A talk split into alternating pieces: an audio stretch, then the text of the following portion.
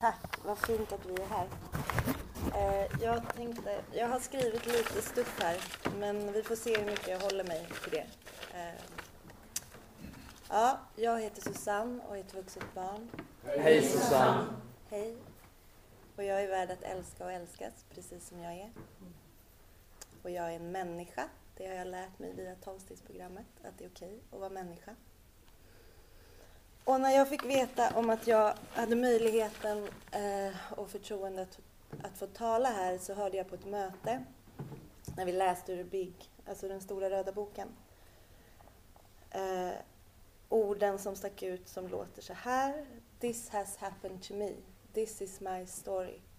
There is no other way to live. Eh, mm.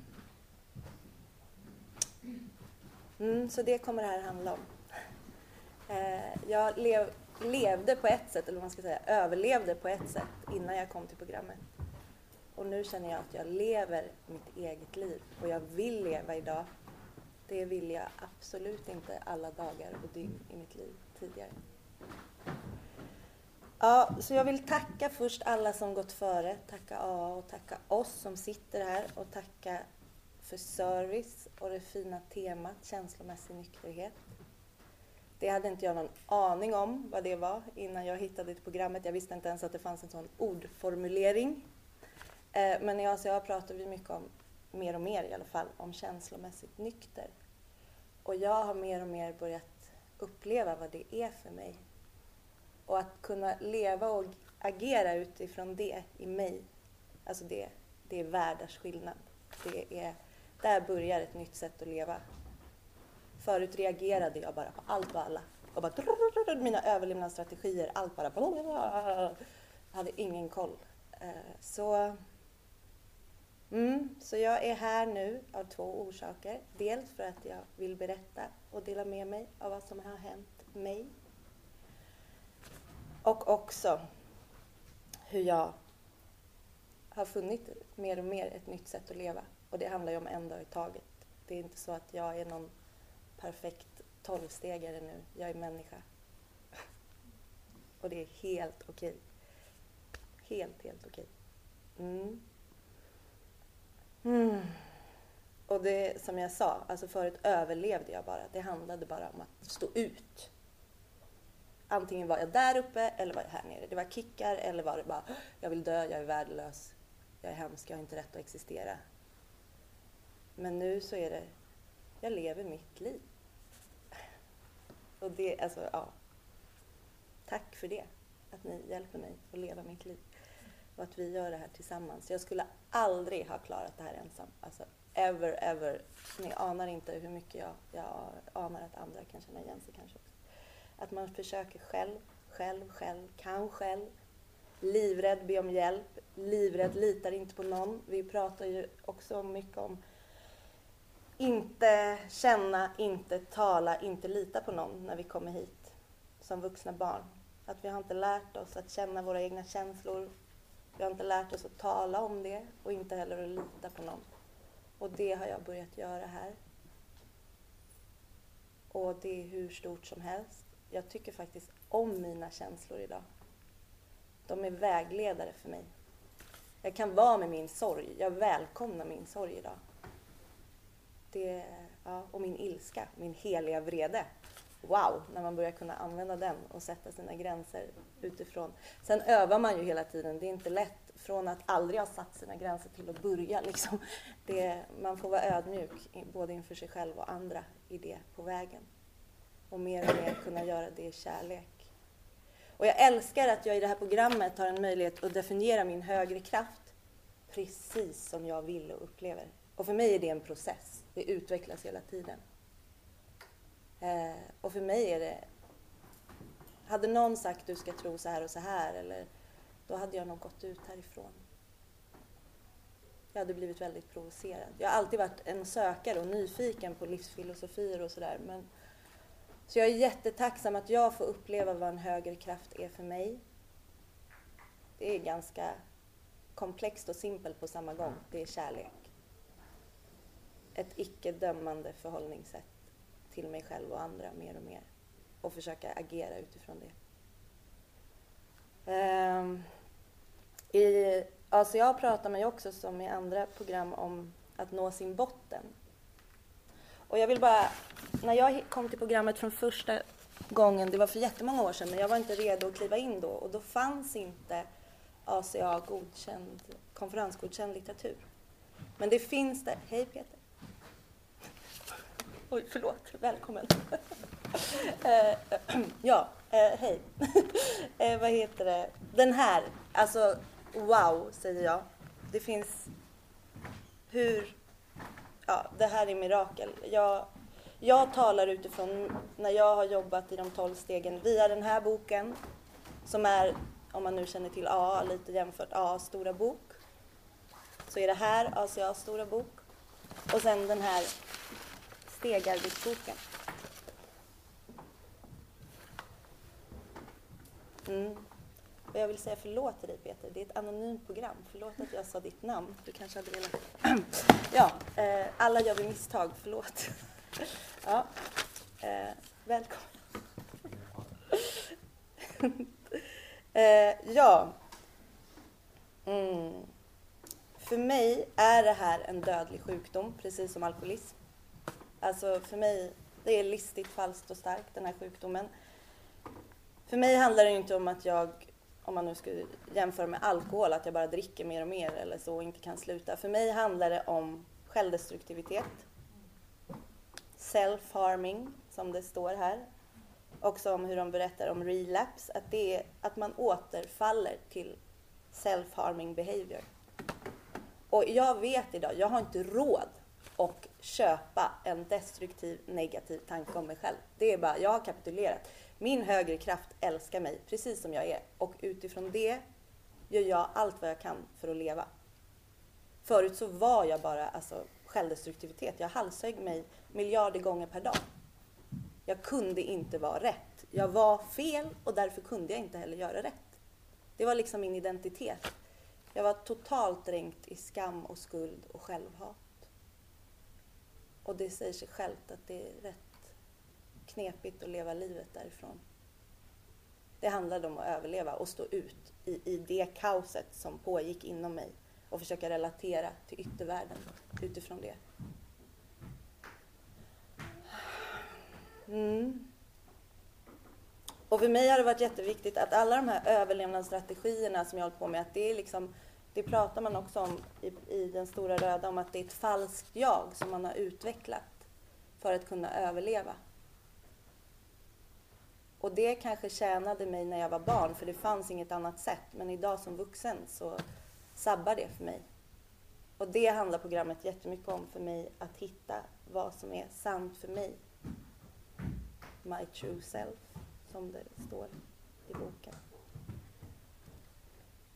Eh, och jag läste lite här om relapse, just att det kan se väldigt olika ut. Alltså dels att man, och det har jag ju upplevt själv, alltså det, det, det är väldigt fantastiskt med att det blir att gå i programmet för mig är självkännedom. Att börja förstå hur jag funkar, hur min dysfunktionalitet funkar.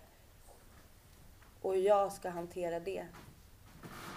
För dels den här kontrollbehovet. När jag börjar kontrollera allt och alla, då är det illa. Då är jag tillbaka på ruta ett. Då är det dags att acceptera läget, att jag är maktlös. Jag fixar inte det här själv. Jag behöver hjälp. Och sen manipulera. Det, det vet jag av erfarenhet och många andra att vi är ganska bra på det. Linda in och manipulera så vi får vår egen vilja igenom. När jag börjar med det, då är det också alarm och oärlighet. Så det, det här att börja vara ärlig med mig själv faktiskt. Och också mer och mer börja vara ärlig utåt. Och sen det sista då, när jag börjar vända ryggen åt min högre kraft. That's det riktiga återfallet. När jag börjar tro att me, myself and I, det här fixar jag. Jag fixar allt, jag fixar, trixar, jag kan rädda allt och alla.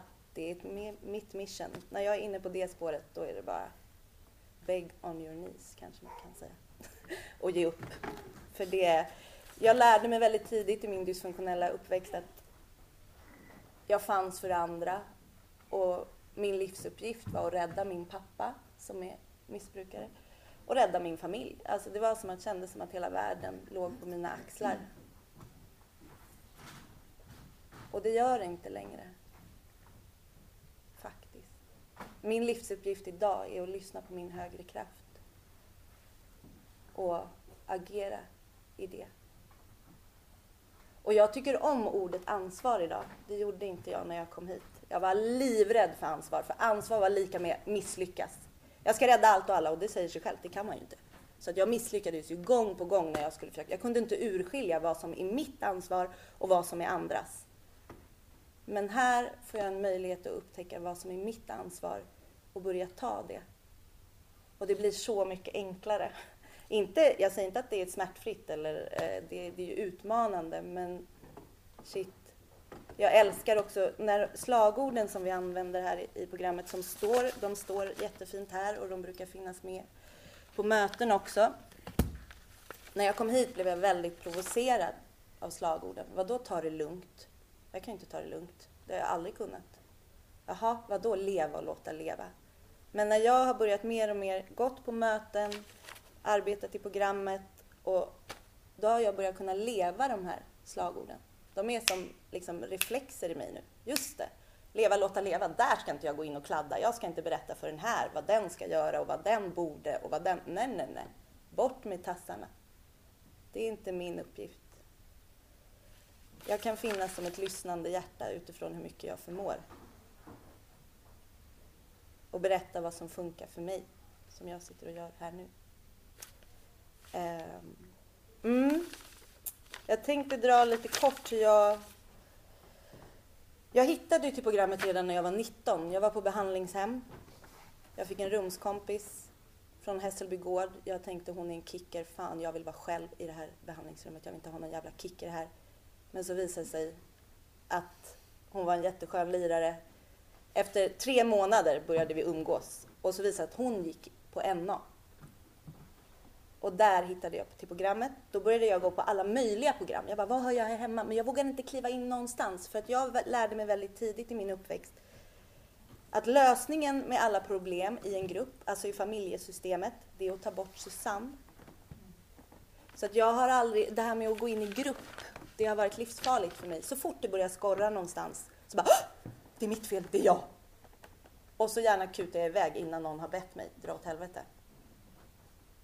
Eh, men så gör inte jag längre. Och det har varit jätteviktigt för mig i det här programmet att komma ihåg att jag är välkommen när jag mår som sämst och när jag mår som bäst. För det var det som hände när jag, när jag kom hit när jag var 19 år och hoppade runt i AA, NA, CA, OA. Eh, så antingen for jag in i högmod och bara så äh, jag behöver inte det Jag är inte så jävla sjuk och illa däran som alla där. Eller så mådde jag så jävla dåligt så jag inte ens tyckte jag var värd att gå hit. Och mitt mantra har väldigt mycket varit sedan jag var liten i min destruktivitet och mitt falska jag. Det är ingen idé. Så när jag mår riktigt dåligt, då är bara bankar, jag är fel, det är ingen idé. Jag är fel, det är ingen idé. Men det gör det inte längre. Idag kan jag se det som att det är verkligen tankar. Förut kunde inte jag urskilja vad som var tankar och sanningar och värt att leva efter. Så ja. Men jag hittade hit och fladdrade runt överallt. Och kände väl så här, här finns något, men jag vågade inte landa. Och jag vet att många säger så här, Åh, jag hittade till programmet då, men fan att jag inte gick in då helt och fullt, jag borde när man... Men jag ser bara, jag var inte redo då. Jag tänker inte använda min kraft och min energi och börja slå på mig själv att jag inte började jobba i programmet när jag var 19. Jag behövde de här rundorna. Jag behövde flera bottnar. Jag behövde fatta på riktigt min maktlöshet. Att jag fixar inte det här själv. Och det...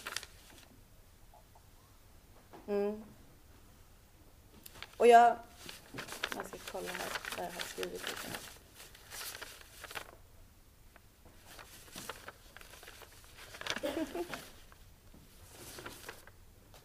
nu hittar jag inte mina egna anteckningar. Jo. Eh, det här med att nå sin botten. Jag tror att vi har många bottnar i många olika plan i våra liv. Men jag nådde en botten. En av mina största bottnar var när jag hamnade i en relation, relation där jag bara sa, ja, dels hade jag en gammal relation bakom mig som jag egentligen ville vara med men jag hade gjort saker där som gjorde att jag inte kunde förlåta mig själv. Den personen var beredd att förlåta men jag fixade inte det så jag bara kutade därifrån och rusade in i en ny relation med då min självuppfattning att jag inte är värd ett skit. Där började jag den relationen så det var ingen bra utgångsläge. Och jag tänkte, fine, den här snubben, han har inga alkoholproblem, han, han har inga, inga liksom sådana där, för jag, ja, han verkar rätt, liksom, han verkar bright och vettig liksom. Men han var ju så jävla känslomässigt avstängd. Och det är precis det jag har levt med. Min pappa, alltså hallå, hallå, jag finns, hallå, pappa, pappa, pappa. Mm, -hmm. Så att jag, där nådde jag verkligen min botten. Jag, alltså jag vände ut och in på mig själv. Så, och fast deras familj, hans familj sa att han har alltid varit så där. Man får sällan kontakt och han pratar, nej men det är mitt fel. Jag ska lösa det här. Jag ska få han levande och glad och komma ur, ur sitt eh, skal och jag ska befria hela världen här. Men nej, det fixade ju inte. Det slutade med att vi blev hastigt gravida. Jag började må jättedåligt. Han ville behålla, jag ville inte behålla. Jo, jag ville, men om jag mådde bra, men det gjorde jag inte. Och så höll vi på sådär och till slut valde jag att göra abort. Och när jag kom hem och hade gjort det, då sa han till mig, jag vill inte prata om det här, jag vill fokusera på mitt skrivande, sa han avstängt och stiligt. Och där, jag fortfarande, jag känner hur det bara, jag blamear inte honom idag, jag fattar hur han reagerar, för han har sin resa. Men aj vad jag har varit arg på honom inom mig. Men det var som att någon slog mig och jag slutade andas. Och jag rasade ner i mitt självhat, skam och skuld. Jag kände som jag hade tagit död på det här lilla barnet och allt var mitt fel. Så jag var ju inte värd att leva överhuvudtaget. Och det, jag trodde aldrig att jag på riktigt skulle försöka ta livet av mig. För jag har vänner som har gjort det och det var bara så det gör man bara inte. Men det gick så långt jag mådde så dåligt så jag blev tvångsinlagd igen. Jag har en historia av att vara anorektiker och blivit tvångsinlagd. Åkt in och ut på behandlingshem, institutioner. Varit sjukskriven i många år. Och jag, jag har varit livrädd för landstingsvården. För jag har varit väldigt traumatiserad där. Så att jag har gjort allt vad jag kan för att inte hamna där igen. Men nu mådde jag så fruktansvärt dåligt och var så självmordsbenägen så jag blev tvångsinlagd. Och jag kommer ihåg när jag kom in dit i det rummet och jag såg de här landstingsfiltarna. Det var som att jag sätter mig inte där igen. För om jag sätter mig där, då kommer de fånga mig. Då är jag fast. För när jag var liten och hamnade på behandlingshem första gången, det enda jag visste om psykvården var gökboet. Så jag visste, här tar man livet av sig, eller blir man fast för evigt, eller så flyr man. Så jag var den ständiga flyende patienten. Ja, så jag hamnade där igen då, 15 eh, år senare hamnade jag inlagd. Eh, och jag, det gick så långt så att jag kände verkligen, jag vill verkligen inte leva längre. Jag vill inte göra mig illa.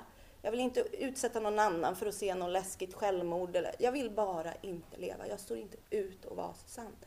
Jag vill bara somna, somna, somna. För jag kan inte det här.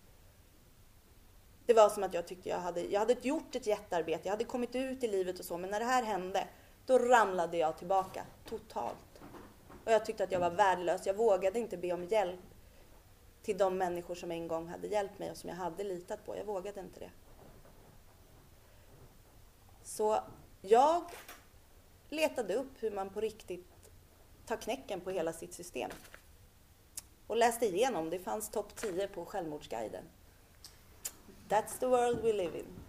Men nu finns det något som heter självmordsguiden.se där man direkt får upp någonting. Känner du så här och så här, då kan du ringa hit. Så man vänder på det. Självmordsguiden, att det ska vara en guide till att börja välja livet. Men jag läste på och jag fann alkohol och tabletter, that's my shit. Så jag läste på hur mycket tabletter man behövde för att ta koll på hela det här. Och jag tog permis jag fick permission och jag stängde in mig i ett pannrum, tog en mortel och mosade sönder, sönder alla tabletter. För det skulle ju gå fort, snabbt, jag skulle inte misslyckas. Det skulle, inga jävla halvmesyrer, det skulle så. Inte vakna upp som ett mähä någonstans och inte ha koll. Alltså. Och jag minns hur jag bara domnade bort. Och jag minns också när jag började vakna till med massa slangar över hela kroppen och ser något så här som piper. Jag bara, what? Och så fick jag höra att det var mina föräldrar som hade hittat mig och det fattade inte jag för de var på landet. Jag var i pannrummet i deras hyreslägenhet, de var på landet. Men högre kraften hade andra planer. Eh, och den första tanken jag tänkte, det var bara till mina föräldrar, alltså, det var jävla idioter. När jag väl vågar ta slut på allt den här skiten, då ska ni vara även där och peta. Jävla, ni har satt mig till den här fucking jävla vidriga världen. Och så ska ni fan ta mig hit igen. Det var bara... Ja. Men idag är jag evigt tacksam att de gjorde det här. Jag vill, jag vill inte ens tänka. Jag har typ, mamma har berättat lite att det var pappa, han bar ner mig för trapporna. Och de visste ju, de hade ingen kontakt. De visste ju ingenting. Men en dag kanske jag kommer prata med dem om det. Ja, men nu hamnade jag väldigt mycket här. Jag vill ju komma till lösningen. Det var min botten. Men sen skulle jag in i en botten till, för jag blev hastigt gravid med samma människa igen och valde att behålla och hamna i en jävla förlossningsdepression i ett år. Men jag är ett levande bevis på att man kan ta sig ur en förlossningsdepression och eh, få hjälp på riktigt. Men när jag fick min dotter och kom ur min förlossningsdepression, då var det bara så här. Jag ska fan inte föra den här skiten vidare. Nu fan går du dit till ACA, för du vet att du hör hemma där. No mercy, och du ska göra allt. Så jag gick dit. Så det som var min nedåtspiral med en elak tanke som landade ner i självmord. Jag gick dit och så började uppåtspiralen och den ska jag berätta nu. Vad har jag för tid? Hur mycket? Ja, oh, jag har en hel kvart. Nu ska vi berätta om lösningen, kära vänner. Ah, andas ut. Nu, det där var mardrömmen. Nu kommer vi tillbaka till livet. Nu kommer vi tillbaka till livet. Och jag ska hitta här bland mina papper. Jo, lösningen då, för mig och även som det står här. Börja gå på möten. Börja bryta förnekelsen. Börja fatta. Börja känna igen sig. Alltså jag trodde att jag var ensammast i livet om det jag gick och bar på. Men så kom jag på möten och bara, what? De talar om mig. Och vänta, jag börjar berätta om vad som faktiskt pågår här inne. Så det, börja gå på möten. Och kom ihåg, ja, vi är välkomna precis som vi är. Hur jävla dåligt vi än mår och hur jävla bra vi än mår. Det är jäkligt viktigt också att dela om hur faktiskt programmet fungerar och hur härligt man faktiskt kan må. Jag kände en period så här, nej men jag kan inte gå dit och berätta hur bra jag mår. Jag ska ju må dåligt och vara offer och lida. Annars kanske jag blir utkastad här. Annars kanske jag inte får höra hemma här. Men så är det inte. Jag är välkommen hit, hur jag än är och så finns det ju traditioner också, som det, de är jätteviktiga också. Jag, anonymiteten är ju verkligen en grundstomme för att det här ska fungera. För jag tänker på det här att inte våga lita på någon. Att allt det vi säger här stannar här och i våra hjärtan. Ja.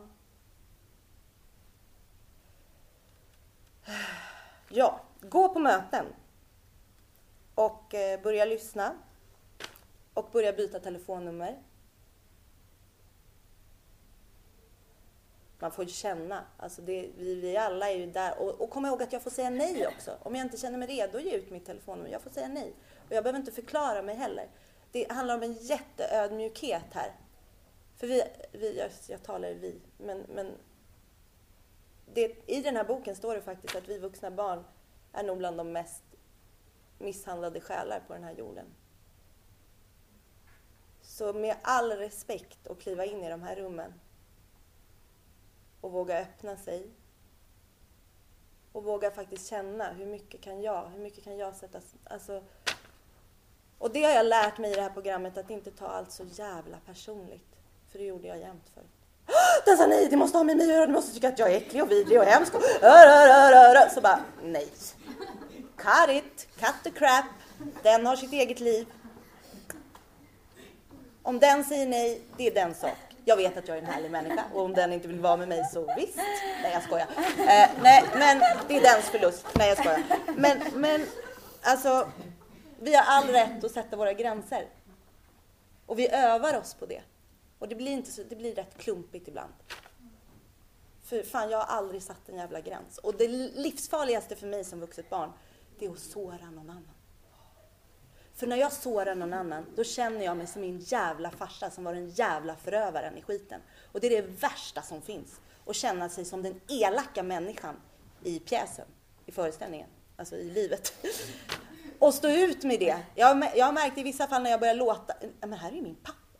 Men att börja urskilja, nej jag är inte min pappa, jag är jag. Och börja hitta vad mina gränser är. Och jag behöver också få sätta gränser. Det är en jätteviktig del här. Men det är också en jätteviktig del att jag får börja säga ja. Ja till det som bubblar här inne och det som jag vill och det som är sant för mig.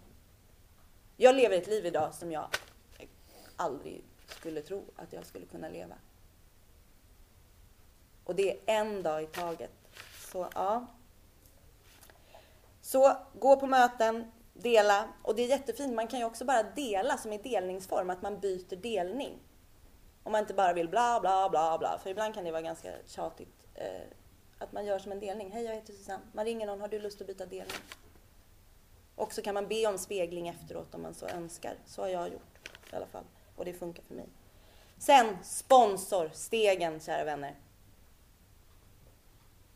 Jag valde att både starta steggrupp och ha sponsor parallellt. Det har funkat ypperligt för mig. Så stegen, stegen, stegen, stegen. Mötena är all ära, men våga ge er stegen också. Och en sponsor. Jag ska inte ge några råd. Eh, det var det jag gjorde och det är det som funkar för mig. Ja. För det har varit för mig som vuxet barn, jag har det här med att knyta an till någon, shit, och våga visa hela jag. Jag har duttat lite här, duttat lite där. Sen drar jag och så håller jag på sådär.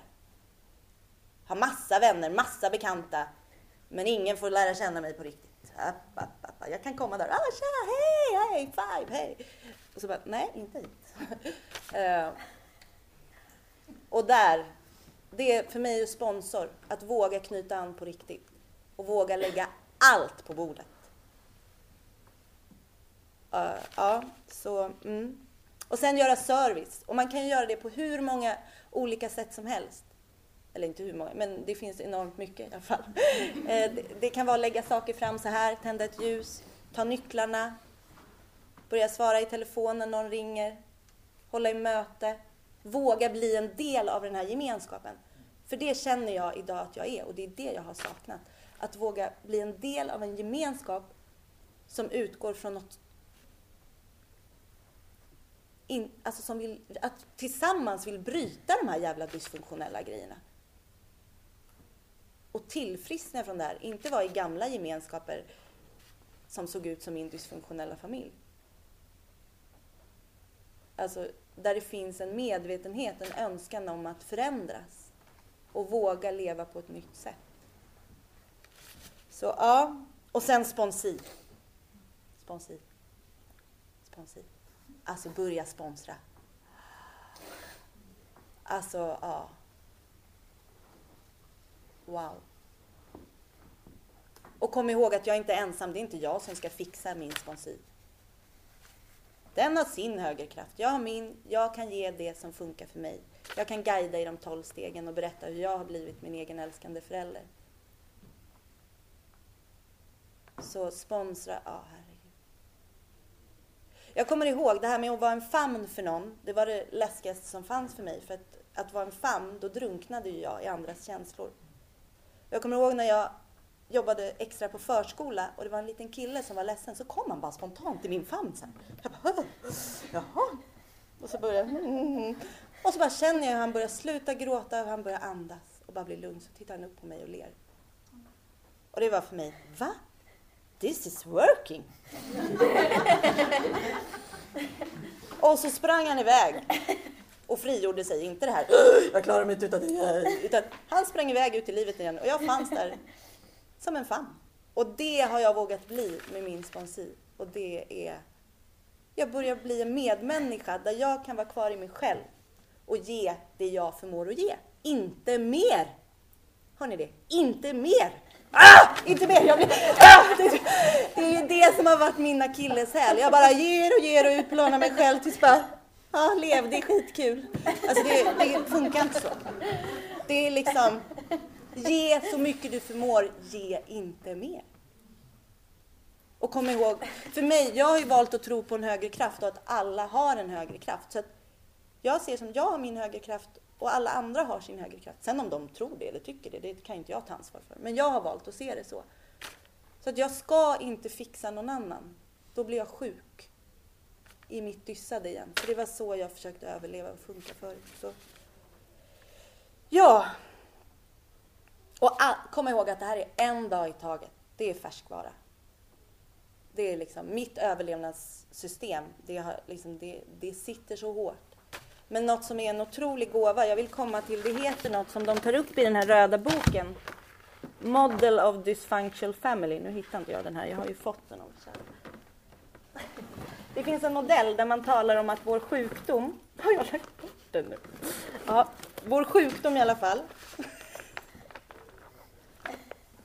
Ja. Kära vänner, den, den, finns i den här boken. Jag, jag hittar den sen. Det finns i den här boken. Titta, jag har vikt här jättefint. Eh, jag tror jag vet var den ligger. Ja, eh, titta. Body, body, vi blir sjuka i vår kropp. Det, alltså, alltså jag handlar om att möta sina trauman. Och möta på riktigt och liksom ja, helas. Det finns något som heter, också i, i boken, hurting, healing, helping. Att det är den resan. Hurting, först känna på allt det här som gör ont. Som jag bara, inte känna, inte känna, inte känna. Och börja känna, det här, det var det jag ville komma till början. This has happened to me. Börja fatta att det här, för när jag har tänkt tillbaka, det är som en film. Den där lilla skeletttjejen som gick runt och inte visste vem hon var eller ville och som åkte in och ut på behandlingshem. Och, eh, alltså, kände sig totalt övergiven. Vilket hon också var. På. Och det... Att förstå att det var faktiskt jag. Det var inte något på film, det var jag. Och där, tack vare programmet och min högre kraft, har jag kunnat börja utveckla en inre älskande förälder. Som känner medkänsla med den här lilla tjejen. Jag känner kärlek till alla mina åldrar idag. Alltså förut, min anorexitjej, det var så här, men när jag tänkte förut i mitt dyssa, det var, men fan, varför valde du att bli anorektisk din jävla idiot? Det var ju ingen val, det var ju en överlevnadsstrategi. Så idag kan jag känna medkänsla med mig själv. Och det är hur stort som helst. För det kunde inte jag förut. Det, jag, jag, visste inte hur man gjorde. Eh, så att kroppsligt börja helas. Alltså idag för mig, och där kommer jättemycket meditation in. Och jag har även utanför ACA hittat liksom andra rum där jag kan börja helas kroppsligt. Jag gick länge i pratterapier som barn. Jag började den här vevan när jag var 14-15. Och jag fick höra, att du är så klok och vettig, du förstår så mycket. Ja, men det faktiskt shit, det händer ju inget i mitt liv ändå, jag lever likadant. Så jag sa, jag vill ha något annat. Jag tänker tacka nej om jag får. Jag, och då de bara, vad vill du ha då? då? Jag bara, dansterapi. För det hade jag prövat på ett behandlingshem. Och det kunde ju inte de ge mig. Du, du måste du hitta själv. Någon inom landstinget. Jag bara, ge mig lite tid. Så hittade jag en. Och det var första gången jag vågade knyta an till en vuxen människa. 24 år gammal var jag då. Där någon stod, stannade kvar. När jag visade mitt helvete och när jag visade min himmel stod hon kvar. Och jag började känna min kropp på riktigt. För det är inte konstigt att jag blev anorektisk för jag stängde ju av allting. Och det är där hela... Ja, jag stängde av allting. Jag kunde inte bo i den här kroppen. Idag tycker jag om att bo i den här kroppen. Den är fantastisk och jag tycker om att bo i mitt huvud. Det gjorde inte jag förut. Jag ville allt annat än att vara mig själv. Så ja. Sen har vi Mind. Laundrylisten. Ni kanske känner till Laundry List. Om inte du gör det så det finns i den här boken där vi, karaktärsdrag, eh, problem som vi, ja, det har funnits att vi vuxna barn har gemensamt. Att börja få syn på dem och börja bjuda in min högre kraft att transformera där. Att börja skapa ett nytt mindsetting här. Och sen spirit. Det här är ett andligt program baserat på kärleksfulla handlingar. Och det är där jag tror mycket för mig gick slint, för inom landstingsvården, hur mycket pratar man om en högre kraft? Har ni hört? Det brukar... Jag har faktiskt träffat några, jag har träffat några faktiskt. Men, men för mig, där är liksom nyckeln. Tillsammans de här. Jag behöver bjuda in något som är större än mig. Jag ska inte gå till en terapi och fixa det här själv. Jag ska bryta mina mönster. Jag ska... Nej, jag ska göra det här själv. Och också att komma i gemenskap och känna igen sig. Inte att det är en psykolog där som sitter och vet allt. Och så bara, ja, ja, ja. Inget, jag älskar, det finns fantastiska psykologer. Jag kommer kanske bli en själv en dag. Men, men jag, jag, jag tror... Eh, för mig har det här, alltså ja, utan det hade inte jag fixat det. Jag tycker terapier, det finns fantastiska terapier, men förstå att jag inte är ensam och jag klarar inte det här själv. Så ja, det... Kära du, hur är det med tiden? Ja, och sen kommer vi till de tolv stegen. Ja, som jag gärna hade berättat. Men nu fick ni en intro, så vill ni höra mer så kan vi ses. Eh, men ja, för er egen skull, för högerkraften, tolv stegen. Tolv stegen. Med sponsor, inte själv. Inte själv. Med en högre kraft, med sponsor. Gärna med en steggrupp. Jag älskar det. Så ja. Så... Mm. Det finns ett nytt sätt att leva, säger jag. Och sluta där. Tack. Välkomna. Tack.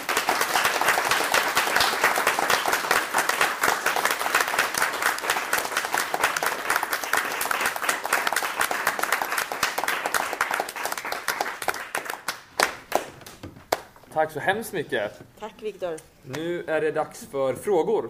Eh, så då kan eh, den som vill eh, ställa, ställa frågor. Och eh, så ja, får vi svara på dem. Okej. Okay. Som ni vet är jag människa, okej? Okay? Om man är orolig för någon annan ja. som man tycker själv är destruktiv. Mm. Vad kan jag göra då? Nummer ett, fortsätt att ta hand om dig själv. Urskilj vad, du, vad som är ditt ansvar och vad som är dens ansvar. Sen vet inte jag, är det en människa som känner till programmet? Nej. Ja, den är bra. Det är en bra fråga.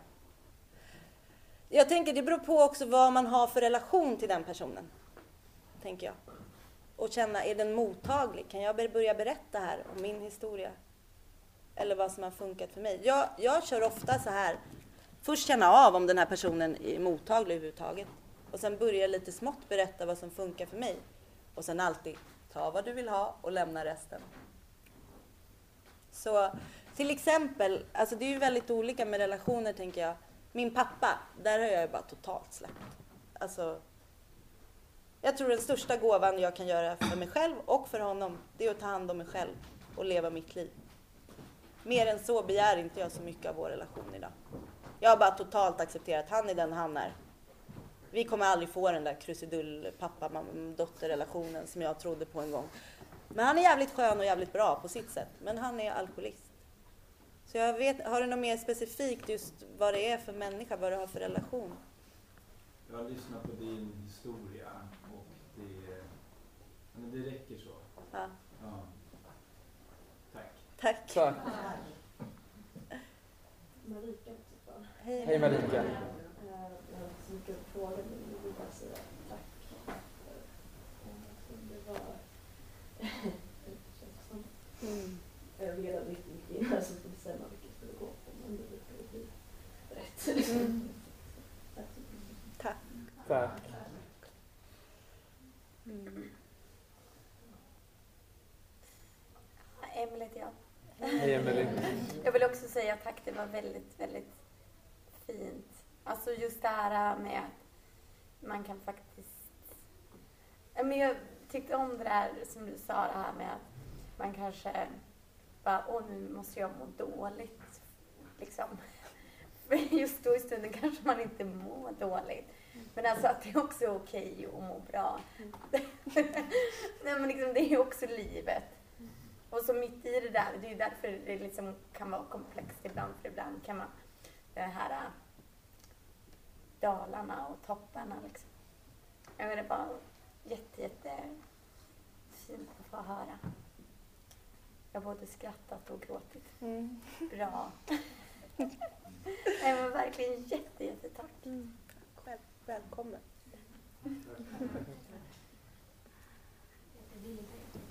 Hej Villa.